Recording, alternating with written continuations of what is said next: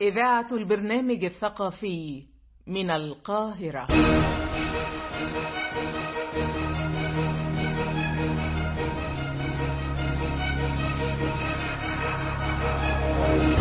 مع القضايا الثقافية وآراء المعنيين بها. آراء المعنيين بها. نقضي هذه الساعة في الصالون الثقافي.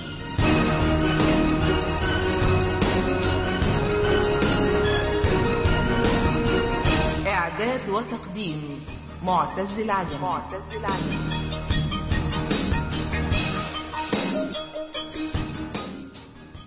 مستمعينا الكرام حلقة جديدة من حلقات الصالون الثقافي فأهلا بكم.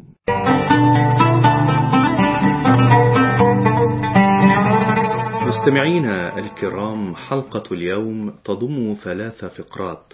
الفقرة الأولى مع الكاتب والقاص الدكتور عمرو منير حول صورة أكتوبر في الأدب المصري.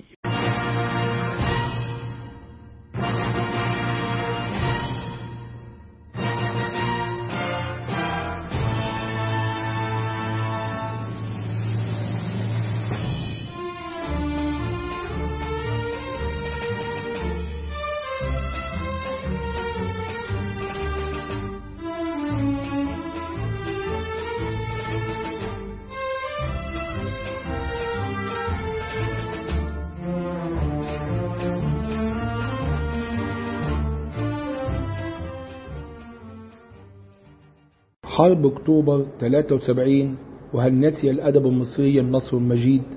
بالرغم من ثقل هزيمة عام 1967 استفاق الشعب المصري منها بسرعة لتبدأ بعد أيام منها الدولة المصرية في كتابة أول حروف حرب الاستنزاف الباسلة والتي كبدت العدو الصهيوني خسائر فادحة امتدت لسنوات تم خلالها الإعداد المتأني والمثابر لعبور القناة وخط بارليف الذي حال بيننا وبين تراب سيناء المقدس حتى جاءت اللحظة الحاسمة من خلال جنود من أبناء المصريين الذين صنعوا بروح الثأر نصر أكتوبر الذي طال انتظاره. بينما كان نصر أكتوبر لحظة فارقة في تاريخنا إلا أن ما عبر عن تلك اللحظة الحرجة من الأدب المصري لم يكن متناسقا مع حجم التضحيات البشرية المبذولة والتكاتف الشعبي. يتوافق هذا الطرح مع رأي بعض نقاد والذي أكدوا فيه أن أدب أكتوبر قد تخلف عن مواكبة الحدث فجاء الإبداع المتعلق بها في بدايته في شكل مقالات قصيرة والنزل القليل من القصائد والقصص التي اتسمت بالطابعين الانفعالي والحماسي مفسرا ذلك بأن الإبداع الأدبي المركب يحتاج إلى ما هو أكبر من الاندفاع الشعوري والانفعال المتحمس. تجنب كبار الكتاب في الوقت المباشر للحرب تناول أجواء حرب أكتوبر. في عمل أدبي واكتفوا بالمقالات التي عبرت عن انبهارهم بهذا النص. من هؤلاء الأدباء والمفكرين الكبار نجيب محفوظ وعبد الرحمن الشرقاوي وتوفيق الحكيم ويوسف إدريس. حيث أدركوا أن تناول هذا الحدث الضخم لن يتم على عجل خصوصا وما يحيط به من أبعاد سياسية واجتماعية واقتصادية متشابكة ومعقدة. رواية الرصاصة لا تزال في جيبي للكاتب الراحل إحسان عبد القدوس كانت من النماذج الأدبية الأولية التي كتبت على مرحلتين. المرحلة الأولى تناولت أسباب الفساد السياسي والاجتماعي الذي أدى إلى النكسة. ونشرها الكاتب تحت عنوان رصاصة واحدة في جيبي. ثم عقب اندلاع حرب 73 جاءت المرحلة الثانية والتي تناولت العبور المجيد لتتحول الرواية إلى فيلم سينمائي تحت نفس الاسم. بعد سنوات من حرب أكتوبر وبعد أن بدأ المثقفون العرب في استيعاب ما حدث في أيام العبور تدريجيا ظهر إلى ساحة الأدب العربي مجموعة من الصنوف الإبداعية من شعر وقصة قصيرة ومسرح والتي صدرت تباعا عقب الانتصار. وإن كان بعضها جاء في صورة توثيقية كما في المجموعة القصصية للكاتب الراحل جمال الغيطاني والمعنونة باسم حكايات الغريب. والتي صاغها الكاتب من وحي عمله كمراسل حربي أثناء المعركة مما أعطاه القدرة على رسم الشخصيات والتي كان معظمها من البسطاء. وجاء الغريب ليكون رمزا لأي مصري من أهل هذا البلد يتحول في وقت الحرب إلى مقاتل شرس يدافع عن وطنه وقت الحرب ليتحول إلى أيقونة محلية لفدائي يتناقل سيرة بطولاته أهل السويس البواسل وبالإضافة إلى حكايات الغريب جاءت رواية الغيطاني الرفاعي التوثيقية لتتناول سيرة العميد الشهيد الرفاعي والذي فقد حياته أثناء إحدى العمليات الفدائية خلف خطوط العدو بعد أن كبد العدو خسائر فادحة. وبعيدا عن الروح التوثيقية للثرد فقد توالى بعد الحرب عدد من الأعمال الأدبية من قصة ورواية ومسرح والتي قاربت الحرب من أبعادها الأعمق حيث تحليل أسباب الهزيمة في مختلف صورها سواء اجتماعية وسياسية واقتصادية. وصولا إلى مرحلة الاستعداد للحرب من استدعاء روح المقاومة والتعبئة الجماهيرية الحقيقية البعيدة عن البروباجندا الإعلامية من أمثلة هذه الأعمال الأدبية العميقة الطرح لتلك الأبعاد السابق ذكرها رواية الأديب الكبير يوسف القعيد. والتي كان عنوانها الحرب في بر مصر والتي حلل من خلالها القرية المصرية بشكل يوضح الخلل الهيكلي فيها. من عمدة فاسد من عائلة عريقة يقرر إرسال شاب ينتمي إلى فقراء الفلاحين بدلا من ابنه إلى الحرب بعد أن استخدم كافة أدواته البيروقراطية للتلاعب في الأوراق الرسمية ومن خلال الأحداث يتبين للقارئ أن سبب الهزيمة الحقيقي ليس صدفة أو مؤامرة ولكنه متوقعا في ظل طغيان مناخ ملوث قوامه القهر والفقر والتهميش. وبالعودة إلى التناول الوثائقي للعبور فقد جاءت قصة الخروج من حفر الدفاع السلبي لتكون سيرة مباشرة صاغها حسن عطية. مع تقادم الزمن فإن حدث أكتوبر الضخم يكشف عن نفسه وعن العديد من الأحداث الخفية عن الجمهور والتي أكدت تلك الروح القتالية العالية للجند المصري. مثال على ذلك رواية موسم العنف الجميل لفؤاد قنديل الصادرة عام 2012 حيث على شريط مسجل استمع خلاله لجندي إسرائيلي.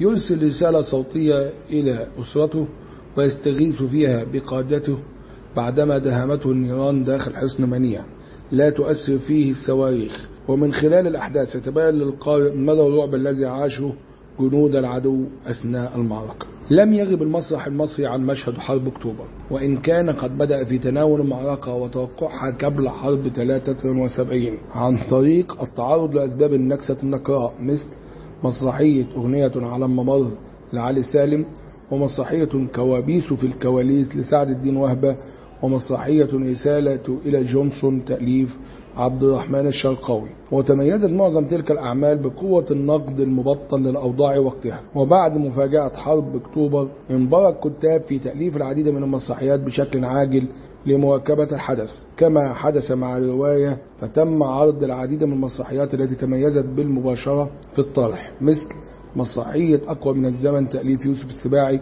ومسرحية صلاح الدين لمحمود شعبان ومسرحية سقوط خط بارليف لهارون هاشم. وغيرها من الأعمال التي توالت بعد نصر أكتوبر مباشرة ليخفت بعد ذلك أثر الحرب في الأعمال الأدبية ومن خلال هذا العرض المكثف السريع لمجموعة من الأعمال التي تناولت حرب أكتوبر يتضح للقارئ النسق الذي سارت عليه العملية الأدبية المواكبة للحرب. فقد أثارت صدمة الحرب الخاطفة خيال الأدباء المصريين ليكتبوا أعمالا بعضها تفسيق والبعض الآخر يوضح أسباب الخلل الهيكلي المؤدي للهزيمة لتنحسر تلك الدفقة الإبداعية وتنزوي شيئا فشيئا مع مرور الزمن. ومع توالي الأحداث السياسية والاقتصادية وما واكبها من تغيرات اجتماعية جعلت أدب حرب أكتوبر نسيا منسيا خصوصا في المشروع الأدبي المصري وإن لم يغب عن المشروع الأدب العربي. وما تم إنتاجه من أعمال الأدبية من رواية وقصة ومسرح لم يجاري قوة الحدث الضخم.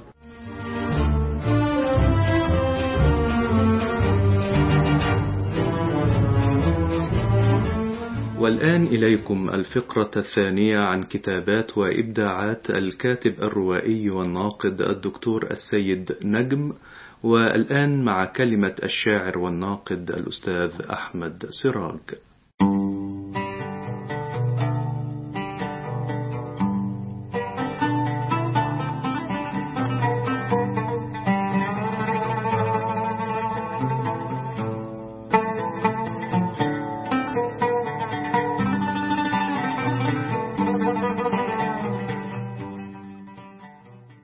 أهلا بكم. نحتفل برائد أدب المقاومة وأحد المشاركين في حرب أكتوبر المجيدة وأحد رواد فن القصة القصيرة الذي سيحدثنا أيضا عن الروايات التي لم تطبع بعد وعن الروايات التي طبعت وعن أعماله في أدب الطفل اليوم نلتقي بالدكتور السيد ند النشاط الأدبي عضو المجلس الأعلى للثقافة لجنة ثقافة الطفل نائب رئيس اتحاد كتاب الإنترنت العرب وهو عضو مؤسس فيه عام 2005 عضو مجلس إدارة نادي القصة المصري مقرر شعبة الخيال العلمي باتحاد الكتاب شارك في الكثير من المؤتمرات والندوات الأدبية داخل مصر وخارجها إضافة بالطبع إلى أستاذيته الصامتة. لعدد كبير من الكتاب من أعماله سفر أوراق مقاتل قديم أيام يوسف المنسي المصيدة لحظات في زمن التيه السمان يهاجر شرقا عودة العجوز إلى البحر العتبات الضيقة غرفة ضيقة بلا جدران يبهية وخبريني الروح وما شجاها أشياء عادية في الميدان حكايات طرح النيل ضجيج الضفادع جدران مرتفعة بلا ظلال دوائر من حرير ثم رواية حصار الحمام الأبيض. وهناك رواية بشكل شخصي أنتظرها عن الجبرتي وأظن انتهت قبل هذه الرواية. لدينا أيضا في فرع الدراسات الأدبية كتاب الحرب الفكرة التجربة الإبداع وهو من أوائل الكتب التي تحدثت عن أدب الحرب. علما بأنه صدر عام 1995 يعني بعد هضم فكرة الحرب والتعامل معها بأكثر من 22 عاما. المقاومة والأدب المقاومة والحرب في الرواية العربية المقاومة والقصد في الأدب الفلسطيني الطفل والحرب في الأدب العبري وهو كتاب رائد لأن هناك الكثير ممن يعني يفرون من مواجهة هذا الأدب ومحاولة التعامل معه. أدب المقاومة في الفكر والإبداع أطياف إبداعية في مواجهة العنف. حقيقة تجربة دكتور سيد نجم في الأدب الرقمي منذ البداية توجت بثلاثة أعمال الثقافة والإبداع الرقمي النشر الإلكتروني والإبداع الرقمي النشر الإلكتروني تقنية جديدة وأفاق جديدة. إلى جوار العديد أو العشرات من الأعمال الموجهة للطفل. لدينا هنا تكريمات كان أحدثها وليس آخرها جائزة فلسطين العالمية في الأداب عام 2022 المركز الأول في مسابقة الرواية عام 1988 الاعتراف النقدي لم يقل فلدينا عدد من رسائل الماجستير منها رسالة ماجستير البناء الفني في الأعمال الروائية للدكتور سيد ند لرندا جمال سعد المقاومة في روايات السيد ند زينار قدري. بحث ترقية الأستاذ مساعد دكتور محمد هندي خصائص أدب الطفل في أعمال السيد ند. جماليات المكان في روايات السيد ند. لدينا لحمد النورج الدكتور النشط والمتخصص في أكاديمية الفنون. بحث الترقية إلى درجة الأستاذية. خصائص فنية لرواية حكايات طرح النيل. ورسالة ماجستير عن بناء الشخصية في الإبداع الروائي عند السيد نجم الباحثة مريم حسن. إلى جوار الكثير من الملفات في المجلات المتخصصة كمجلات الرواية التي كانت تصدر في هيئة الكتاب والمجلات الثقافية كعالم الكتاب والمواقع المتخصصة في السرد. هذه الليلة في محبة رحلة من الإبداع والنقد. والمودة. فيعني إذا ما اتفقنا جميعا إذا ما اختلفنا جميعا على أسباب محبة السيد فسوف يكون العنصر الأساسي لدى الجميع هو مودة هذا الرجل ومحبته ورحابة صدره.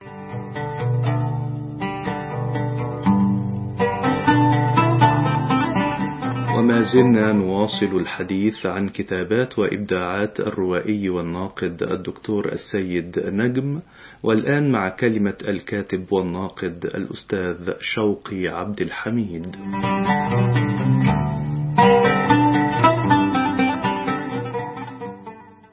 لو جينا عشان نتكلم على آه، إبداع بصفة عامة بتاع دكتور سيد وخاصة في القصة القصيرة لأن أنا مهووس بيها وبالذات القصة عنده.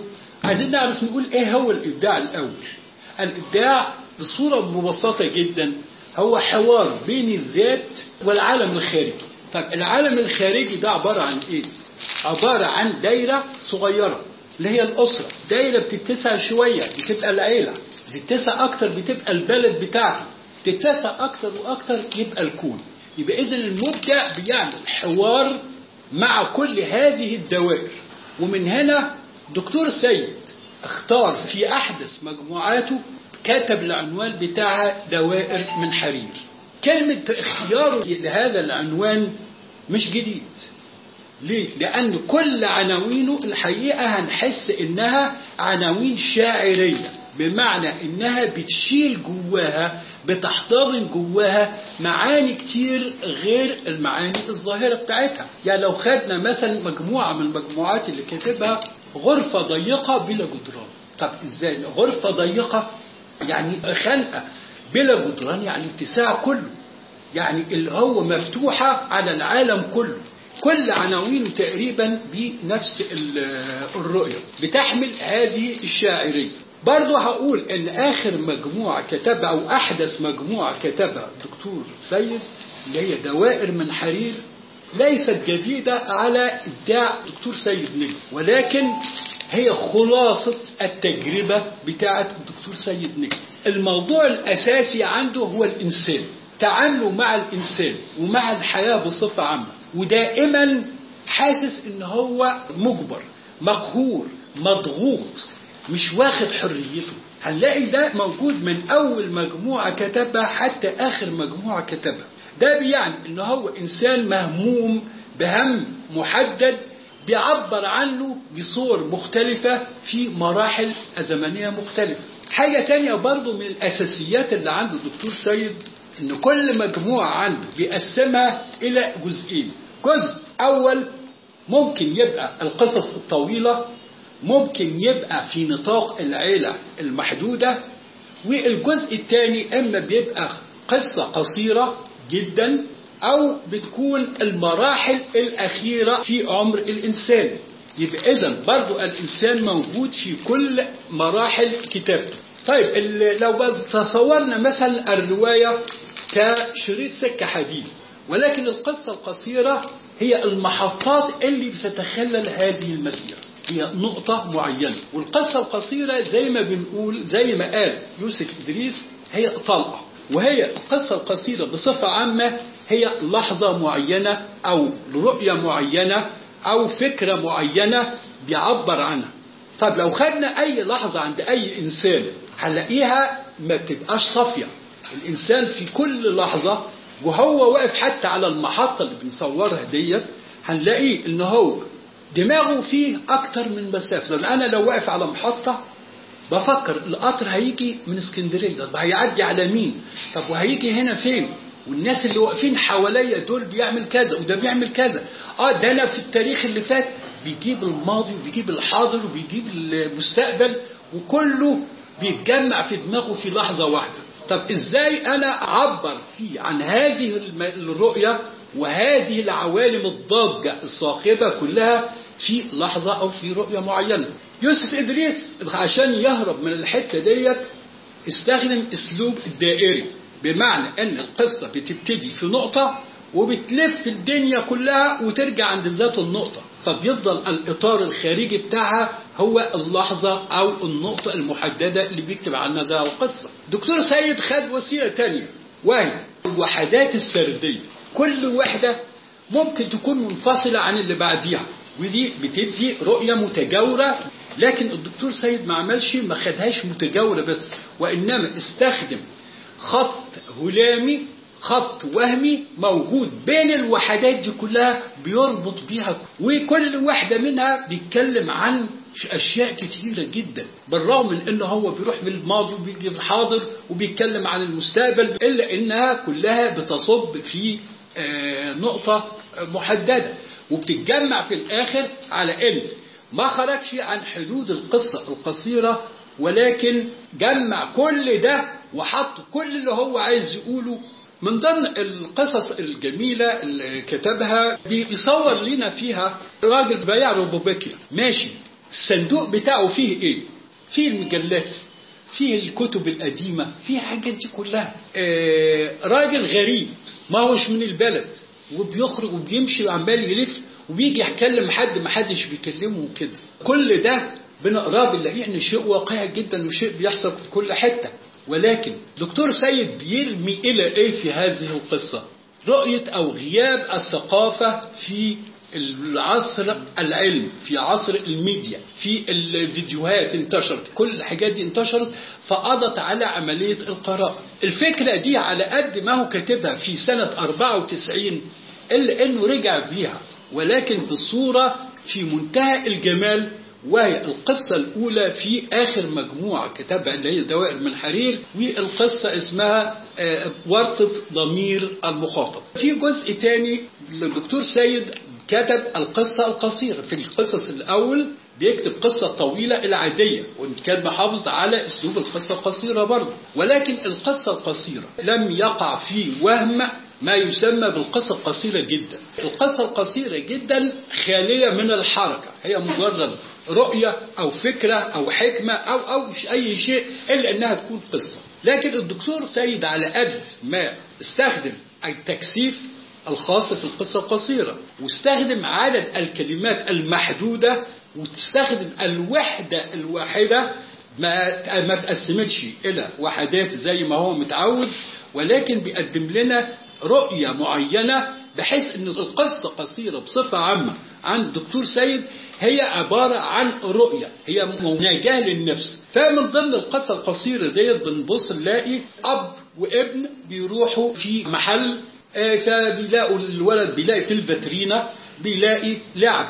الطفل كل اللي شد اهتمامه لعبة معينة بينما الراجل الكبير كل اللي شد اهتمامه دبانة محبوسة في هذه الفاترينا بتعمل لنا حوار بين الأب وبين الابن حوار بين الأجيال. وعلى فكرة الزمن عامل أساسي جدا جدا عند الدكتور سيد في كل قصصه وهنلاقيه موجود في كل القصص. فبداية بتبص نلاقي الأب حط كل اهتمامه في الذبابة اللي محبوسة في الفاترينا الطفل اللي هو المستقبل اللي هو الشباب. فرحان عايز اللعب عايز ال ال الفرجة عايز الحياة. بينما الأب كل اللي شد اهتمامه الذبابة اللي شاف نفسه زيها محبوس في هذه الحياة وأصبح هو هذه الذبابة تمثل. النقطة ديت بشكل معين تنقلنا إلى نقطة تانية وهي نقطة الرمز عند الدكتور سيد دكتور سيد في حالات كتير استخدم الرمز بمعنى إن هو بيقول كل حاجة لكن هو بيرمز إلى حاجة تانية خالص. آه، في أيضا نقطة تانية مهمة جدا برضو واضحة جدا عند الدكتور سيد وهي المقابلة. المقابلة الحقيقة عملها في قصص كتيرة جدا ولكن في قصة معينة لفتت نظري إلى حد كبير جدا وتعاملت بمنتهى الإبداع. في مجموعة المصيدة قصة التيه. مجرد كلمة التيه يعني التوهان الغياب عدم التحقق في الحياة. نيجي نبص نلاقي هي عبارة عن شاب وزوجته. في أول حياتهم كانوا عاملين إيه؟ وفي آخر حياتهم كانوا عاملين إيه؟ وحط رمز هنا في منتهى الجمال وبدون أن يصرح هو يقصد إيه بيها ولكن ساب ده للقارئ بيتكلم. فبنبص نلاقي في البداية بنتكلم على الأرض مبتلة الأشجار مرتعشة أناس يخبئون رؤوسهم فتغوص أقدامهم عفوا في المياه الآسنة العكرة ده في الشتاء. طب في الصيف إيه اللي حصل؟ الأرض جافة والإفريز آه، يملأه الغبار وشمس الهاجرة تقدح وأناس يسرعون يرجون الخلاص برؤوسهم فتسقط أقدامهم عفوا في أغوار الحفر الجافة القاسية. يبقى إذن في الشتاء وقع وفي الصيف وقع. هو اللي يعني معنى دي الرؤية يعني معناها إيه؟ الشاف والصيف تقريبا ان هم دول حياة البني آدم بصفة عامة. يعني الربيع والخريف دول ما يعني مش معترف بيهم إلا في حالات بسيطة يعني. بإذن حياة الإنسان بصفة عامة هي عملية توهان وعملية وقوع هو كده واقع وكده واقع. فبنبص نلاقي بقى الراجل وزوجته الاثنين رخولين عاملين إيه؟ برضه في أول حياتهم بيقول كنت أراهم كلهم من نافذة حجرتنا وهي إلى جواري معا نرى ثم نضحك طويلا. ده في بداية الحياة. بالضحك والفرح وكده. بجوار صورة كبيرة كانت تجمعنا معا. إطارها ذهبي لامع كان لامعا كلمة كان لامعا حاططها بين قوسين وحاططها كما لو كانت جملة اعتراضية ولكنها مهمة جدا. وعايز يقول لنا بص للحتة دي وخلي بالك إن هو كان لامعا استخدمها في الماضي. وخلفيتها شجرة خضراء صناعية رديئة الطالع لمحت صدعا متعرجا ثعباني المشهد. دقيقا وقصيرا بعض الشيء يكاد لا يرى. يبقى في وسط الحياة الضحك لكن في شرخ محدد موجود في الصورة بيدي انعكاس أو حتى الضحكة زي إحنا دايما ما بنقول كل ما بنضحك بنقول اللهم اجعله خير. بعد كده بقى هما الاثنين حصل لهم إيه؟ نستنطق الأشياء فننطقها. مقعد واحد فنجلس طبق واحد فناكل كتاب واحد فنقرأ. دي كانت البداية.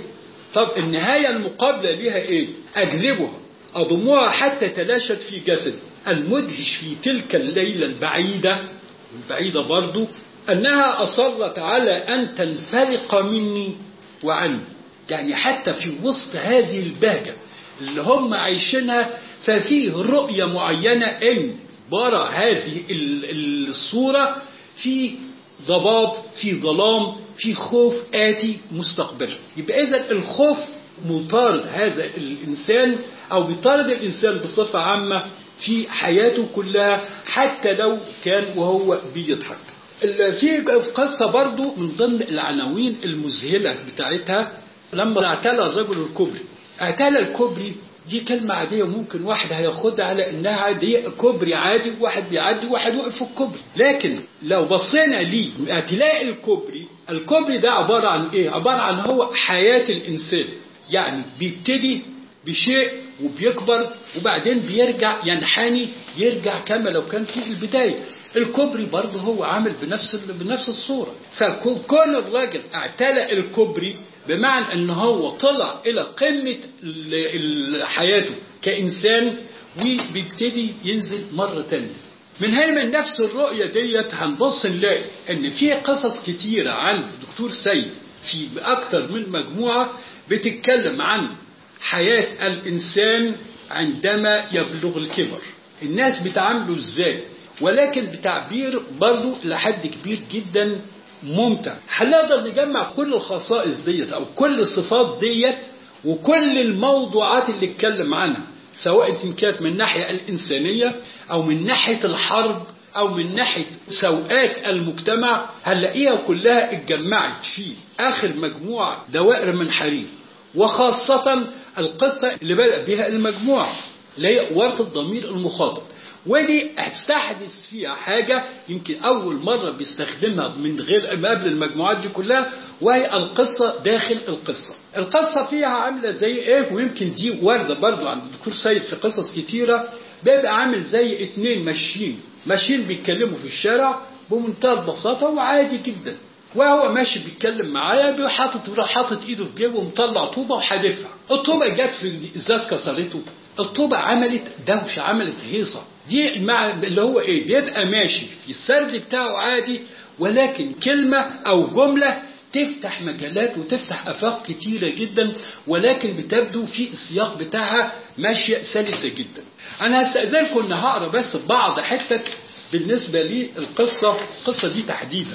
دي لأن يعني صعب إن أنا أولا يعني أنا كان نفسي إن القعدة تبقى على القصة القصيرة بس عشان نقرأ القصة دي تحديدا. بس الضمير المخاطب اللي بيقول في والتي يمكن أن نسميها بنسمي القصة ديت باب الدخول.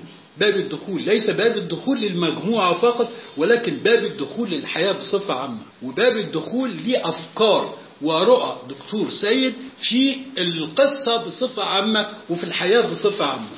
من خلال التجربة الشخصية التي عاشها وتعايشت مع أحداث الوطن في الحرب وفي السلم حين وجد تناقض بينها وكأنهما جزيرتان منعزلتان بمعنى هو الراجل مع زوجته عايش هو عايش في الماضي عايش في تجربة الحرب اللي خضع وهو عشان كان ليه صديق اتوفى في الحرب فعشان يحافظ على السيرة ديت اتجوز أخته. فكل شوية بيكلم مراته ديت على أخوها. فهي بتوصل لمرحلة بتزهق منه. سيبنا من دي. بقى انت عملت بطولات هناك ما انتش قادر تعمل بطولة هنا. يبقى بيعمل تناقض بين الحياة على الحرب. كان شكلها إيه؟ والحياة الداخلية كان شكلها. ده في وادي وده في وادي. في الحرب وفي السلم حين وجد التناقض بينها وكأنهما جزيرتان منعزلتان. فتخيل نفسه يمارس الشيء الذي يحبه كتابة القصة. يعني هو شخص بيتخيل إن هو بيكتب قصة. وبيعمل إيه في أثناء كتابة القصة؟ أو إزاي بيكتب القصة؟ وإيه الأفكار اللي بتدور في دماغه؟ أي اننا أمام قصة داخل القصة. ودون أن يلفت النظر قذف طوبة تجاه زجاج السيارة فكسرها. بينما هو يسير وكأنه لم يفعل شيء. كتابة القصة ليهرب من ذلك المصير الذي هو بيكتب قصة عشان يهرب من المصير في نفس الوقت القصة ديت بالحقيقة بيتكلم فيها على كيفية كتابة القصة إيه المفروض يكون في كتابة القصة كرؤيته في كتابة القصة واللي بيعملها كلعبة في نفس الوقت.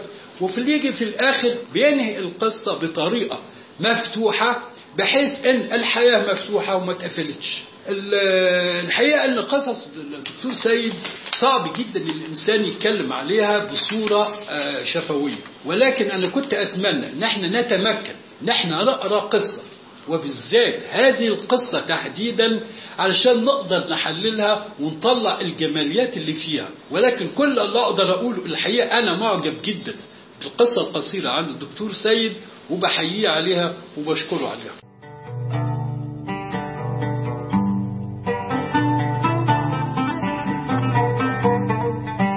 وإليكم الآن الفقرة الثالثة من فقرات الصالون الثقافي وهذا اللقاء مع الكاتب والمفكر الأستاذ الدكتور مصطفى عطية جمعة ومناقشة لكتابه المثاقفة والتواصل حوار الذات وحوار الحضارات.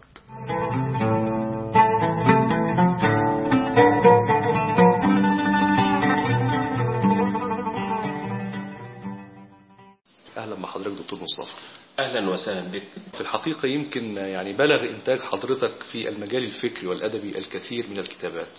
ولكن في هذه الحلقة نود مع حضرتك أن نقف قليلا عند هذا الكتاب الذي جاء بعنوان المثاقفة والتواصل حوار الذات وحوار الحضارات. والبداية مع هذا المفهوم أو هذا الاصطلاح المثاقفة ومفهوم التواصل. عندما نقول كلمة مثقفة معناها أنك تقوم بفعل ثقافي. ما هو الفعل الذي ينتج التثاقف؟ هو أنك تطلع على ثقافة الغير إذا أنت الآن اطلعت على ثقافة. ثم بعد ذلك تنظر هل يمكن أن تستفيد من هذه الثقافة المختلفة عنك؟ إذا أنت الآن حولت الاستفادة من الغير إلى استفادة للذات. فأصبح الفعل الآن هو فعل تثقفي يضاف إلى ذلك. هل المقصود بالمبالغة لأنها على وزن مفاعلة؟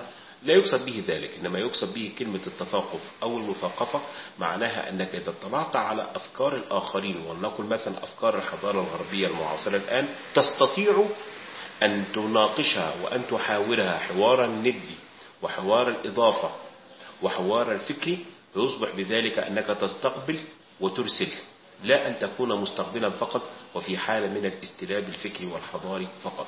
يمكن هذا الكلام في الحقيقة يبرز أيضا إشكالية نعاني منها هي فكرة فقط الاستقبال من الثقافات أو الحضارات أو الأفكار الأخرى خاصة الغربية.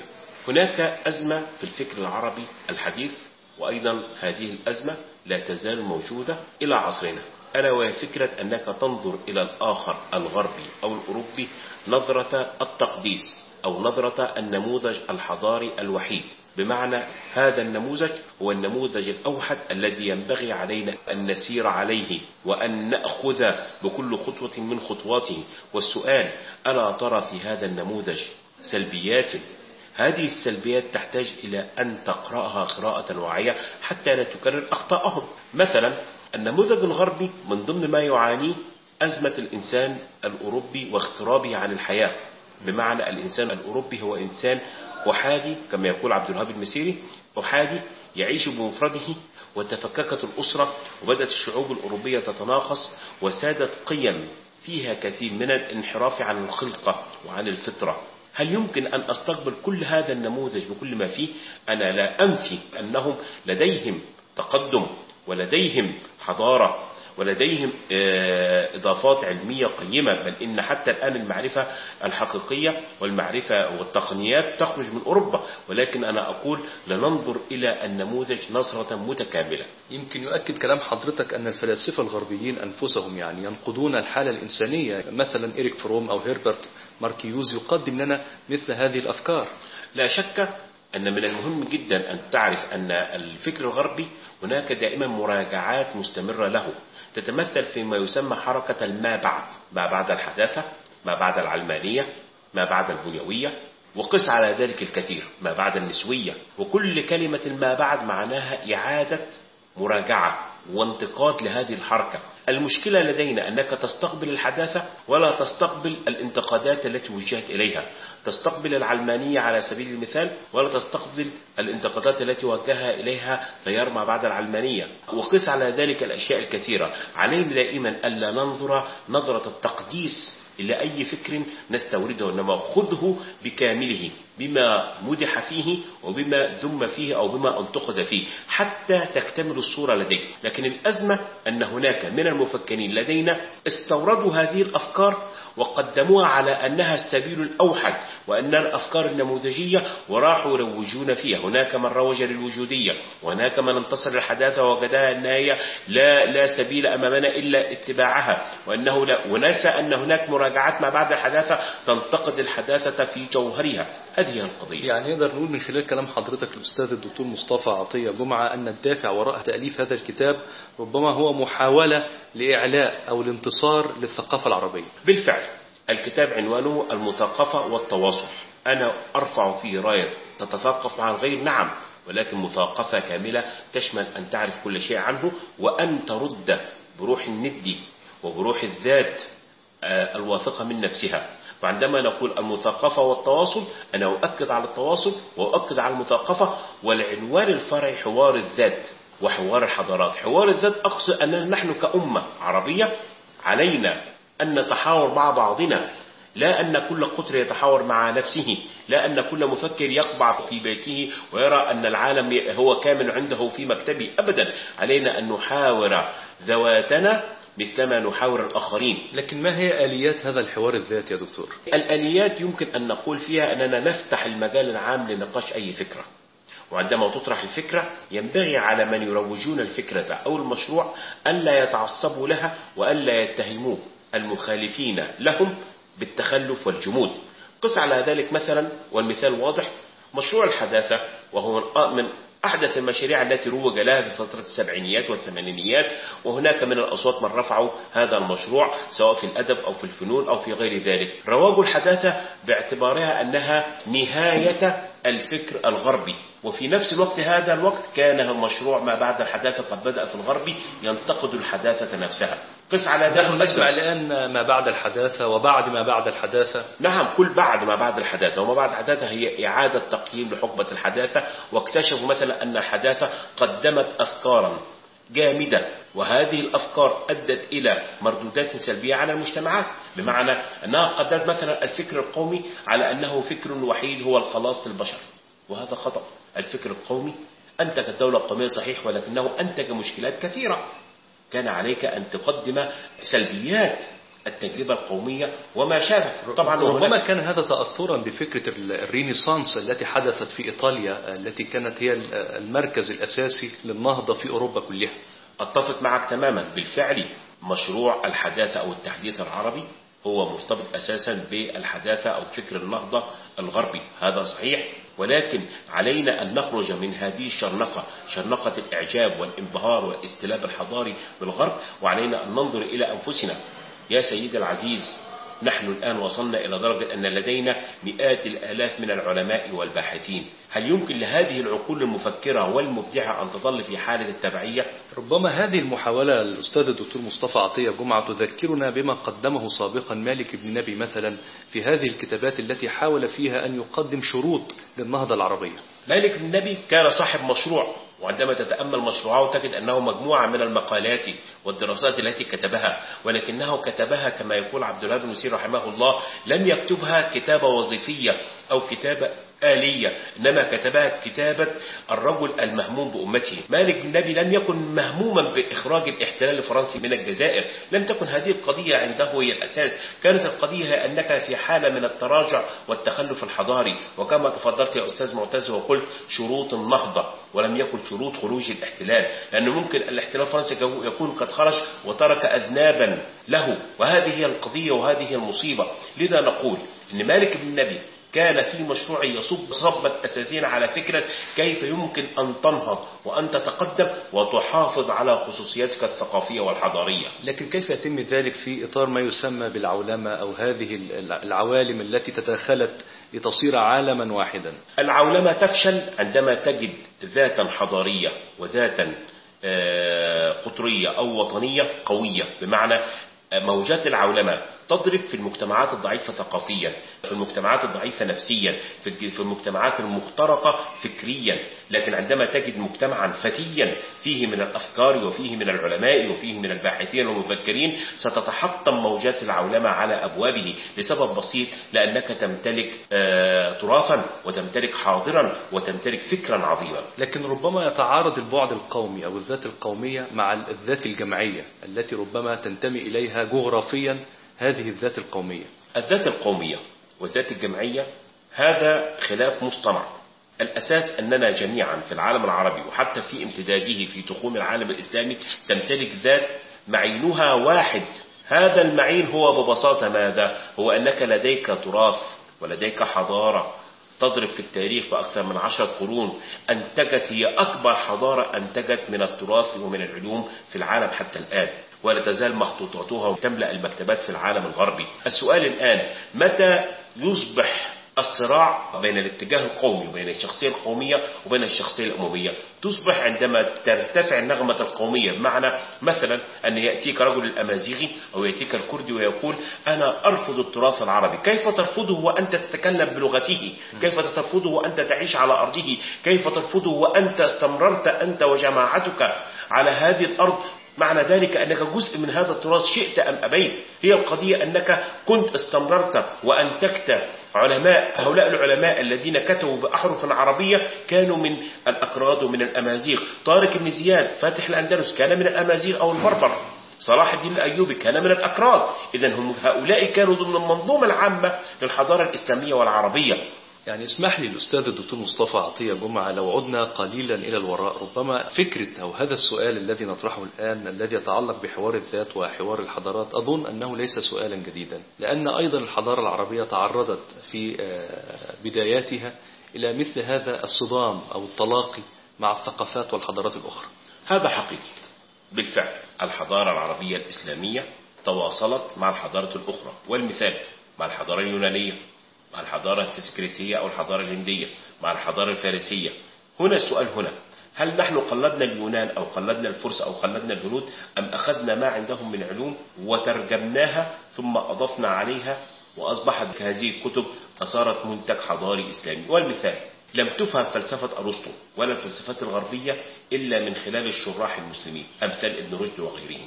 كتاب كليلة ودمنة المفقود في الهند منه بقايا الآن هذا الكتاب كانت النسخة الكاملة التي ترجم بعد ذلك من العربية كانت نسخة عربية هي النسخة الكاملة عندنا. وقس على ذلك مئات الكتب وعشرات العلوم علم الجبر وعلم الرياضيات وعلم الحساب كل هذه العلوم أخذت من الهند ثم بعد ذلك أضيف عليها وإضافات علمية رائعة ثم بعد ذلك أعيد تصديرها إلى العالم. يعني نقدر نقول إن تعامل العرب قديما مع هذه الأزمة يختلف عنا الآن في العصر الحديث. أشكرك على هذا السؤال. قديما كان العلماء العرب والمسلمون في حالة من لا أقول الاستعلاء الحضاري إنما حالة من الثقة الحضارية. بمعنى أنه يقرأ ما عند الآخرين قراءة إفادة قراءة تثاقف قراءة معرفية وليست قراءة استلاب وليست قراءة إعجاب وانبهار لما قراءة تثاقف. أعرف ما عندهم وأستفيد منهم. لكن الآن القراءات التي يطالب بها البعض للحضارة الغربية أن تقرأها قراءة استلاب بمعنى أن الفكر الغربي ولا غير. ولو تأملت منتج الفكر الغربي في كثير منه ستجد أن فيه كثير من ال- الإشارات ممكن أن تجدها في التراث العربي. وأعطيك مثالا على ذلك. المدرسة التاريخية في أوروبا الكل يتباهى بالتاريخ الأوروبي وما شابه. ولو تأملت ستجد أن المدرسة التاريخية العربية وصلت إلى قمتها وفاقت أوروبا في توثيق مروياتها وفي فلسفتها خاصة على يد عبد الرحمن بن خلدون ثم ابن مسقوي. ما معنى هذا؟ معنى ذلك أنك تولي عينيك شطر أوروبا ولا تنظر آه، نظرة واحدة إلى تراثك العربي. أنا لا أقول أن ترفض الغربي إنما أقول لك اقرأه بتطاقف عين على الغرب وعين على التراث وعين أيضا على المنتج العربي لأن هناك منتج عربي قوي الآن يحتاج إلى التعريف به ويحتاج إلى آه، الاستناد إليه. في إطار حديثنا عن موقف العرب قديما من هذا السؤال الذي يتعلق بحوار الذات وحوار الحضارات. يمكن في هذا الكتاب المثقفة والتواصل حضرتك طرحت الإمام الشافعي كنموذج للحوار. بالفعل لأن الإمام الشافعي كان فيه كثير من المزايا. أول شيء أنه كان عقلية فذة وعبقرية. النقطة الثانية أنه امتلك اللغة العربية امتلاك اللسان وامتلاك الجنان بمعنى القلب. فقد عاش بين ظهراني قبائل العربية في مكة. ربته أمه وأخلصت في تربيته وهو الذي مات أبوه صغيرا. تعلم العلم من مصدره فتعلم على يد الإمام مالك بن أنس في المدينة ورحل إلى اليمن ورحل إلى العراق. في اليمن بالمناسبة تعلم علم الفراسة هناك وعندما وصل إليه وعاش معه وتعلم العلم وجد أنه ليس بعلم. وعاد وقال ذلك الإمام مالك بن أنس لقد وجدت أنه ليس بعلم وأنا قضيت وقتا فيه. إذا هو طلب العلم من مصادره. ثم بعد ذلك رحل إلى مصر. وعاش في مصر واكتمل مذهبه في مصر وتوفي ودفن في مصر. معنى ذلك أننا أمام شخصية عبقرية بما تعنيه الكلمة خصوصا أنه قد وصل إلى قمة العلم باختراعه أو بوضعه علم أصول الفقه في رسالته رسالة كتاب الأم. الشافعي ماذا فعل على مستوى الحوار؟ هذا هو السؤال. الشافعي حاور المذاهب المختلفة في عصره حاور المذهب السابق عليه وهو مذهب الإمام مالك وحاور المذهب التالي له وهو مذهب الإمام أحمد بن حنبل الذي كان تلميذه انظر أي عظمة هذه تراها وأنت ترى الشافعي. يختلف عن الإمام مالك اختلاف الحب ويعلم تلميذه الذي اختلف عنه أيضا في بعض الشيء أحمد بن حنبل ثم بعد ذلك درس فقه أبي حنيفة في بغداد كل هذا تعلمه وحاور هذه المذاهب حوارا عقلانيا وحوارا في غاية الروعة وأثار كثير جدا من القضايا. معنى ذلك أنه ماذا؟ أن هذا الرجل يجعل من الحوار نهجا وسبيلا. لا يقدم فكرا أحاديا لما يقدم فكرا متعددا استنبط منه مذهبه واستنبط منه علم أصول الفقه. ربما كان يقدم لنا بهذا الأمر صورة للنقد الإيجابي التي نحتاج إليها ربما في العصر الحالي. كلمة النقد الإيجابي هذه كلمة مقبولة. لكن المشكلة البعض عندما يمارس النقد يمارسه بفكرة النقد الذي يمزق الفكر الذي يقدم الفكر فكرا متناثرا فكرا ممزقا. عندما تقرأ الكتاب أنت لا تكاد لا تعرف أين هو الفقه الذي ينقده صاحب هذا الكتاب. ثم بعد ذلك تجد أن لغة النقد نفسها لغة في غاية العنف وفيها نوع من الاحتقار. وهذه طبعا خطأ جدا. لابد أن تدرك أن هؤلاء العلماء كانوا أفذاذا.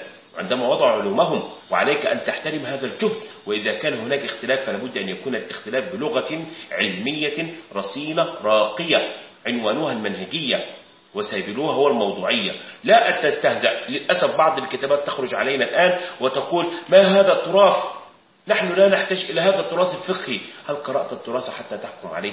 هذا التراث الضخم الهائل فيه كثير جدا يعني خذ مثلا عن تراث الفقه. الكل يظن أن التراث الفقهي ينحصر في العبادات ونسوا أن هناك ما يسمى الفقه الحضاري فقه العمران فقه المباني فقه المكتبات فقه العلوم التطبيقية فيما كان الاختراعات قديما كانت تسمى الحيل الشرعية أو الحيل النافعة. هذا الفقه كان يوازيها ويحكم عليها. الأستاذ الدكتور مصطفى عطية جمعة أستاذ الأدب العربي والبلاغة والنقد الأدبي يعني إذا أردنا أن نتحدث عن المقابل الحديث للإمام الشافعي وربما يمكن حضرتك في هذا الكتاب المثقفة والتواصل ركزت على جهود وآراء وأفكار آه، الدكتور عبد الوهاب المسيري. في الحقيقة أنا لا أضع عبد الوهاب المسيري في موازاة الشافعي لسبب؟ لأن عبد الوهاب المسيري كان اختصاصه بعيدا كل البعد عن الشافعي. ولكن أنا أنظر إلى التأثير الفكري. الشافعي كان مدرسة عنوانها الانفتاح والعقلانية يأخذ من تراثنا كل ما هو جديد وأضاف الكثير من العلوم. أما عبد الوهاب المسيري في هذا الك- الكتاب فأنا أشدت به لأن عبد الوهاب المسيري حالة فكرية فريدة لأنه كان في يوم من الأيام منكرا للأديان وكان يجهل التراث الحضاري الإسلامي وعندما عاد إلى الإسلام عقيدة وقلبا وعقلا وعندما عاد إلى الحضارة الإسلامية صحيح أنه لم يتبحر فيها ولكنه قرأها بروح فيها كثير من المفاقرة وفيها كثير من الاعتزاز. كانت أفكاره هي نوع من التمرد على المنجز ال- الحديث في الفكر على هؤلاء العلماء الذين استوردوا الغرب وقدموا لنا الغرب على أنه لا سبيل أمامنا إلا اتباع الغرب. فقال لا توقفوا وانتبهوا. الغرب فيه كثير من المثالب وكثير من آه السلبيات التي نحتاج إلى التوقف عليها. وقال أنا عشت في الغرب وقدم في سيرته الذاتية وفي كتبه كثير من المواقف وكثير من الانتقادات للمجتمع الغربي وللفكر الغربي وخاصة في كتابه عن التحيز. قال إن كثير جدا من المنتج المعرفي الغربي يحمل تحيزات الغرب. تحيزات ضد ثقافتنا تحيزات ضد تراثنا وللأسف نحن استوردنا هذا الفكر واستوردنا تحيزاته. وهناك من يتكلم عن تراثنا بروح غربية. في الحقيقة دكتور مصطفى يعني في إطار حديثنا عن هذه النماذج العربية والقومية آه، أيضا نحتاج إلى الحديث عن نماذج غربية اهتمت بإنصاف الحضارة العربية. يمكن من هؤلاء كان جارودي. طبعا رجاء جورودي هو تجربة ثرية جدا في قراءة الإسلام وفي قراءة الحضارة. ليست له كتابات حضارية بالمعنى المفهوم إنما هو دعا إلى فكرة آه، الحوار الحضاري ما بين الشرق وبين الغرب. ورفض فكرة الصراع الحضاري وفكرة أن الذي قالها بعد ذلك صموئيل هنتنجتون في كتابه صدام الحضارات. رفض ذلك رجاء جارودي مبكرا لم يعش إلى هذه السنوات ولكنه شدد على فكرة أهمية التلقي الحضاري وأهمية التواصل الحضاري. طبعا آه، هنتنجتون عندما قال صدام الحضارات كان يعني بالتحديد أنه فكرة إعادة إشعال الحروب في العالم بفكرة أن الحضارة الغربية مهددة من الحضارة الصينية ومن الحضارة الإسلامية. ونسى أن هذه الحضارات هي تغذي بعضها البعض. نحن جميعا نستفيد من بعضنا ولا داعي لفكرة أن حضارة تتسيد في مقابل أن تقتل حضارة أخرى. إنما الكل يصعد والكل يتعايش والكل يستفيد من بعضه. الآن الصين هل يمكن أن يستغني العالم عن منتجات الصين؟ أبدا. هل يمكن أن يستغني العالم الأوروبي عن المنتج الحضاري ال- الإسلامي في العصور الوسيطة؟ أبدا. ولولا هذا المنتج لما كانت الحضارة الأوروبية؟ هذه القضية. يمكن حضرتك أيضا داخل هذا الكتاب يعني حاولت أن آه، توضح بعض المفاهيم أو المصطلحات التي ربما أحدثت بعض الإشكاليات آه، مثل الحوار في مقابل التعصب والتحيز أيضا آه، مفهوم الانتماء والتواصل والاتصال. كل هذه المفاهيم تصب في دائرة التثقف الحضاري بمعنى أنك لسنا في حالة من اللهث والركض للحضارات الأخرى خصوصا أن هناك نماذج للنهضة تتفوق على النموذج الغربي. أوروبا لكي تصل إلى ما وصلت إليه أحتاجت إلى أكثر من 400 عام. فيها من الحروب وفيها من الدماء وفيها من الصراعات الكثير والكثير. لكن هناك دول الآن باتت في خلال عشر سنوات إلى عشرين عاما تستطيع أن تصل إلى أن تكون من الدول الرائدة. والمثال على ذلك النمور الأسيوية. هذه صعدت في خلال 30 سنة أو 40 سنة مثل سنغافورة مثل كوريا الجنوبية وغيرها. صعدت في سنوات قليلة أو ممكن نقول في عقود قليلة. هل أنا أحتاج إلى أن أخلد الغرب في 400 سنة حتى أصل فيه كما يقول البعض. أم أنظر إلى التجارب الواعدة لكي تنهض المسألة في منتهى البساطة. عبر عن ذاتك واعتز به ثم انظر إلى ما عند الآخرين. يعني اليابان على سبيل المثال. بدأت نهضتها في القرن التاسع عشر في منتصفه وكانت مع مصر في ذلك. سبقت اليابان وتفوقت. لكنها بدأت متأثرة أيضا بالغرب. نعم تأثرت بالغربي لا ننكر ذلك. ولكنها لم تمحو الشخصية اليابانية. ظلت الشخصية اليابانية بكل ما فيها من مزايا. نقول إن مثلا الشخص الياباني كان من ضمن الاشياء التي توصل كان يقول له اذهب إلى أوروبا وتعلم آلة أو ماكينة من الماكينات. أجدها واحصل على شهادة علمية فيها بأنك قد أجدت فيها ما تعادل شهادة الدكتوراه في التقنية. ثم أحدهم ظل عامين وكان يحتاج إلى عام إضافي لكي يحصل على ف- فخاطب دولته في اليابان وقال أنا قد أجدت ال- الآلة وأستطيع الآن أن أصنع مثلها في اليابان. وعلي أن أعود. قال انتظر حتى تأخذ شهادة. قال لا حاجة. هي أنتم أرسلتموني من أجل الماكينة ولم ترسلوني من أجل الشهادة. في النهاية أنك ربما هذا هو المعنى الذي نريد أن نصل إليه. بالضبط أنك لا تحتاج إلى أن تستورد الماكينة إنما استورد كيف تصنع الماكينة وتعيد موضعها وتبيئتها وتصنيعها في بيئتك. فتصبح في ذلك بمرور الوقت أنت عندك لديك قاعدة علمية. تصنع وتخترع وتضيف الآن انظر إلى مصانع اليابان. في كل شيء تنتج اليابان بل إن هناك بدأت تتخلى عن الصناعات التقليدية وتنقلها إلى دول أقل منها مثل ماليزيا ومثل الصين لأنها تفرغت لصناعات المعرفة القادمة وغير ذلك. لكن لو سألت حضرتك ونحن يعني في هذه الدقائق القليلة من هذا اللقاء مع حضرتك عن هذا الكتاب المثقفة والتواصل هل ترى أن الثقافة العربية الآن تقدم لنا مثل هذه الصورة المثالية في حوارها وفي هذا الجدال الذي ربما نقول عنه جدال إيجابي مع الآخر أو الحضارة الغربية. في الحقيقة إجابتي ستكون بالنفي الثقافة العربية الآن ثقافة يغلب عليها الطابع القطري يغلب عليها الطابع المجزأ يغلب عليها أيضا الأفكار تقصد. العزلة؟ ليست العزلة. يعني مثلا عندما تجد كتاب يترجم في المغرب ثم يترجم في لبنان نفس الكتاب ثم يترجم أيضا في الخليج أو في العراق نفس الكتاب. معنى ذلك لا توجد خطة للترجمة. جهود فردية. عندما تجد مثلا في المغرب من يتكلم عن فكرة استوردها من قرأها في الغرب ثم بعد ذلك واحد يقول نفس الفكرة وينتجها في كتاب آخر دون أن يطلع على جهد زميله لا توجد نوع من ما يسمى القاعدة العلمية المعرفية المتناسقة وهي مسألة مسألة جهود فردية ولا توجد خطة للثقافة الجمعية هذه واحدة. النقطة الثانية عندما تتأمل هل نحن بالفعل نقدم حالة من التثاقف وحالة من الحوار الإيجابي مع الغرب؟ الآن الغرب ال- الحوار تقريبا شبه غائب. هو عبارة عن ماذا؟ أنت تستورد فكرة هناك من يرفضها. ويكفرها وهناك من يقبلها بتحفظ وهناك من يقبلها على المطلق. طيب هل هناك من قبلها وأضاف إليها؟ هل هناك من قبلها ونظر هل يمكن في تراثنا ما يضاهيها أو يضيف عليها؟ يعني مثلا نظرية التحيز التي أثارها عبد الوهاب المسيري الفكرة والنظرية موجود في الغرب. هذه النظرية هي نظرية غربية لكن لو عدت إلى تراثنا ستجد أن هناك عشرات التنظيرات وعشرات المقولات والمفاهيم المتصلة بها.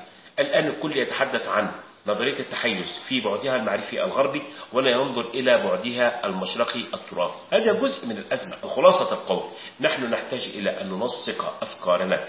وأن يتلاقى المثقفون والمفكرون العرب والمسلمين أيضا يتلاقوا على نوع من الخريطة الثقافية. ربما هذا لا يتاح ولكن على الأقل لابد من المفكرين أن يكونوا واعين لهذا الدور. كل واحد لا يعمل وكأنه في دكان أو في مكتب منعزل عن الآخر. لا لابد أن ينظر دائما إلى الخريطة وإلى المنتج وهذا طبعا يحتاج إلى جهود كثيرة ومؤسسات ثقافية ندعو الله أن تتواجد لكن ربما كلام حضرتك دكتور مصطفى يعني يحتاج أيضا إلى شجاعة لأن مثلا النظريات أو المناهج النقدية الأدبية تحتاج إلى مراجعة وفق هذا التصور لأننا بالفعل يعني أخذناها عن الغرب. بالفعل كل شيء يحتاج إلى مراجعة. ميزة الغرب أن هناك دائما من يراجع فيه. هناك من ينتقد حالة من المثقفة الداخلية عنده بمعنى أن هناك تظهر النظرية هناك من يناقشها مناقشة علمية وليست مناقشة استهزائية أو مناقشة هجومية وهذه هي الميزة. الحداثة ظهرت كان في هناك ما بعد الحداثة ينتقدها. البنيوية ظهرت كان هناك ما بعد البنيوية ينتقدها. القضية النهاية تصب في فكرة الحوار الدائم الداخلي في الغرب الذي يسميه البعض تجديد الفكر الغربي بشكل دائم. أين نحن؟ أنت تستورد الفكرة هنا؟ ولكن عندما من يعترض, يعترض عليك البعض تتهمه إما بالجمود أو بالتخلف أو أنه يكفرك. هذه ليست حالة حوار. هذه هي القضية. ليست حالة حوار. افهم الفكر أولا. أذكر في أحد في أحد الدراسات التي كتبتها كانت عنوان عن أناقش فيها كتاب الحداثة من منظور إيماني للدكتور عدنان النحوي. الكتاب ببساطة يدور على أن الحداثة منتج غربي لا يتفق مع إسلامنا ولا مع إيماننا وبالتالي هو مرفوض. هذا هو الكتاب الذي يتكون من 300 صفحة خلاصته ذلك. الغريب أن المؤلف لم يقرأ الحداثة قراءة صحيحة إنما قرأها بعيون متعصبة وبعيون غير منفتحة ولم يفهم الحداثة ولم يقرأ حتى في لغتها ولم يقرأ حتى ترجماتها وإنما نفاها في ضوء يعني مقالات متناثرة وأفكار متناثرة. أنت عندما تنتقد فكرا عليك أن تقرأه من منابعه. ثم بعد ذلك تنظر كيف يمكن أن تحكم على هذا الفكر. الحداثة أفرزت كثير جدا من المناهج النقدية الحداثية التي المناهج النصية ومناهج اللسانية ومناهج البنيوية دي إفراز حداثة. لو أنني آه، تجاهلت هذه المناهج إذا أنا في حالة من التأخر المعرفي والنقد. هذه القضية الأساسية. ولعل إجمالا يمكن القول بأن يعني هذه هي الرسالة أو هذا هو المعنى العام الذي تريد أن يصل من خلال هذا الكتاب المثقفة والتواصل حوار الذات وحوار الحضارات. بالفعل. الهدف من هذا الكتاب اطلع على علوم الآخر اطلاع الند افهم علوم الآخر فهما صحيحا. اقرأ علوم الآخر بلغاتها أو على الأقل بترجمات أمينة. هذا هو الأساس. ثم بعد ذلك لك أن تأخذ منها ما تشاء وأن تختلف معها كما تشاء وأن تضيف إليها كما تشاء شريطة ألا تسقط في حالة الاستهواء أو في حالة الاستلاب. بهذه الكلمات مستمعينا الكرام يمكننا أن نصل إلى ختام هذا اللقاء مع الأستاذ الدكتور مصطفى عطية جمعة أستاذ الأدب العربي والبلاغة والنقد الأدبي والباحث في الإسلاميات والحضارة والقاص والروائي والمسرحي. كل الشكر والتقدير لحضرتك الأستاذ الدكتور مصطفى عطية جمعة.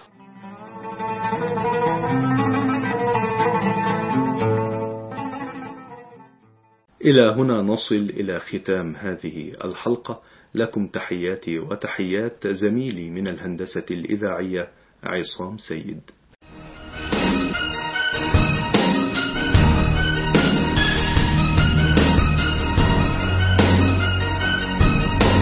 الصالون الثقافي. الصالون الثقافي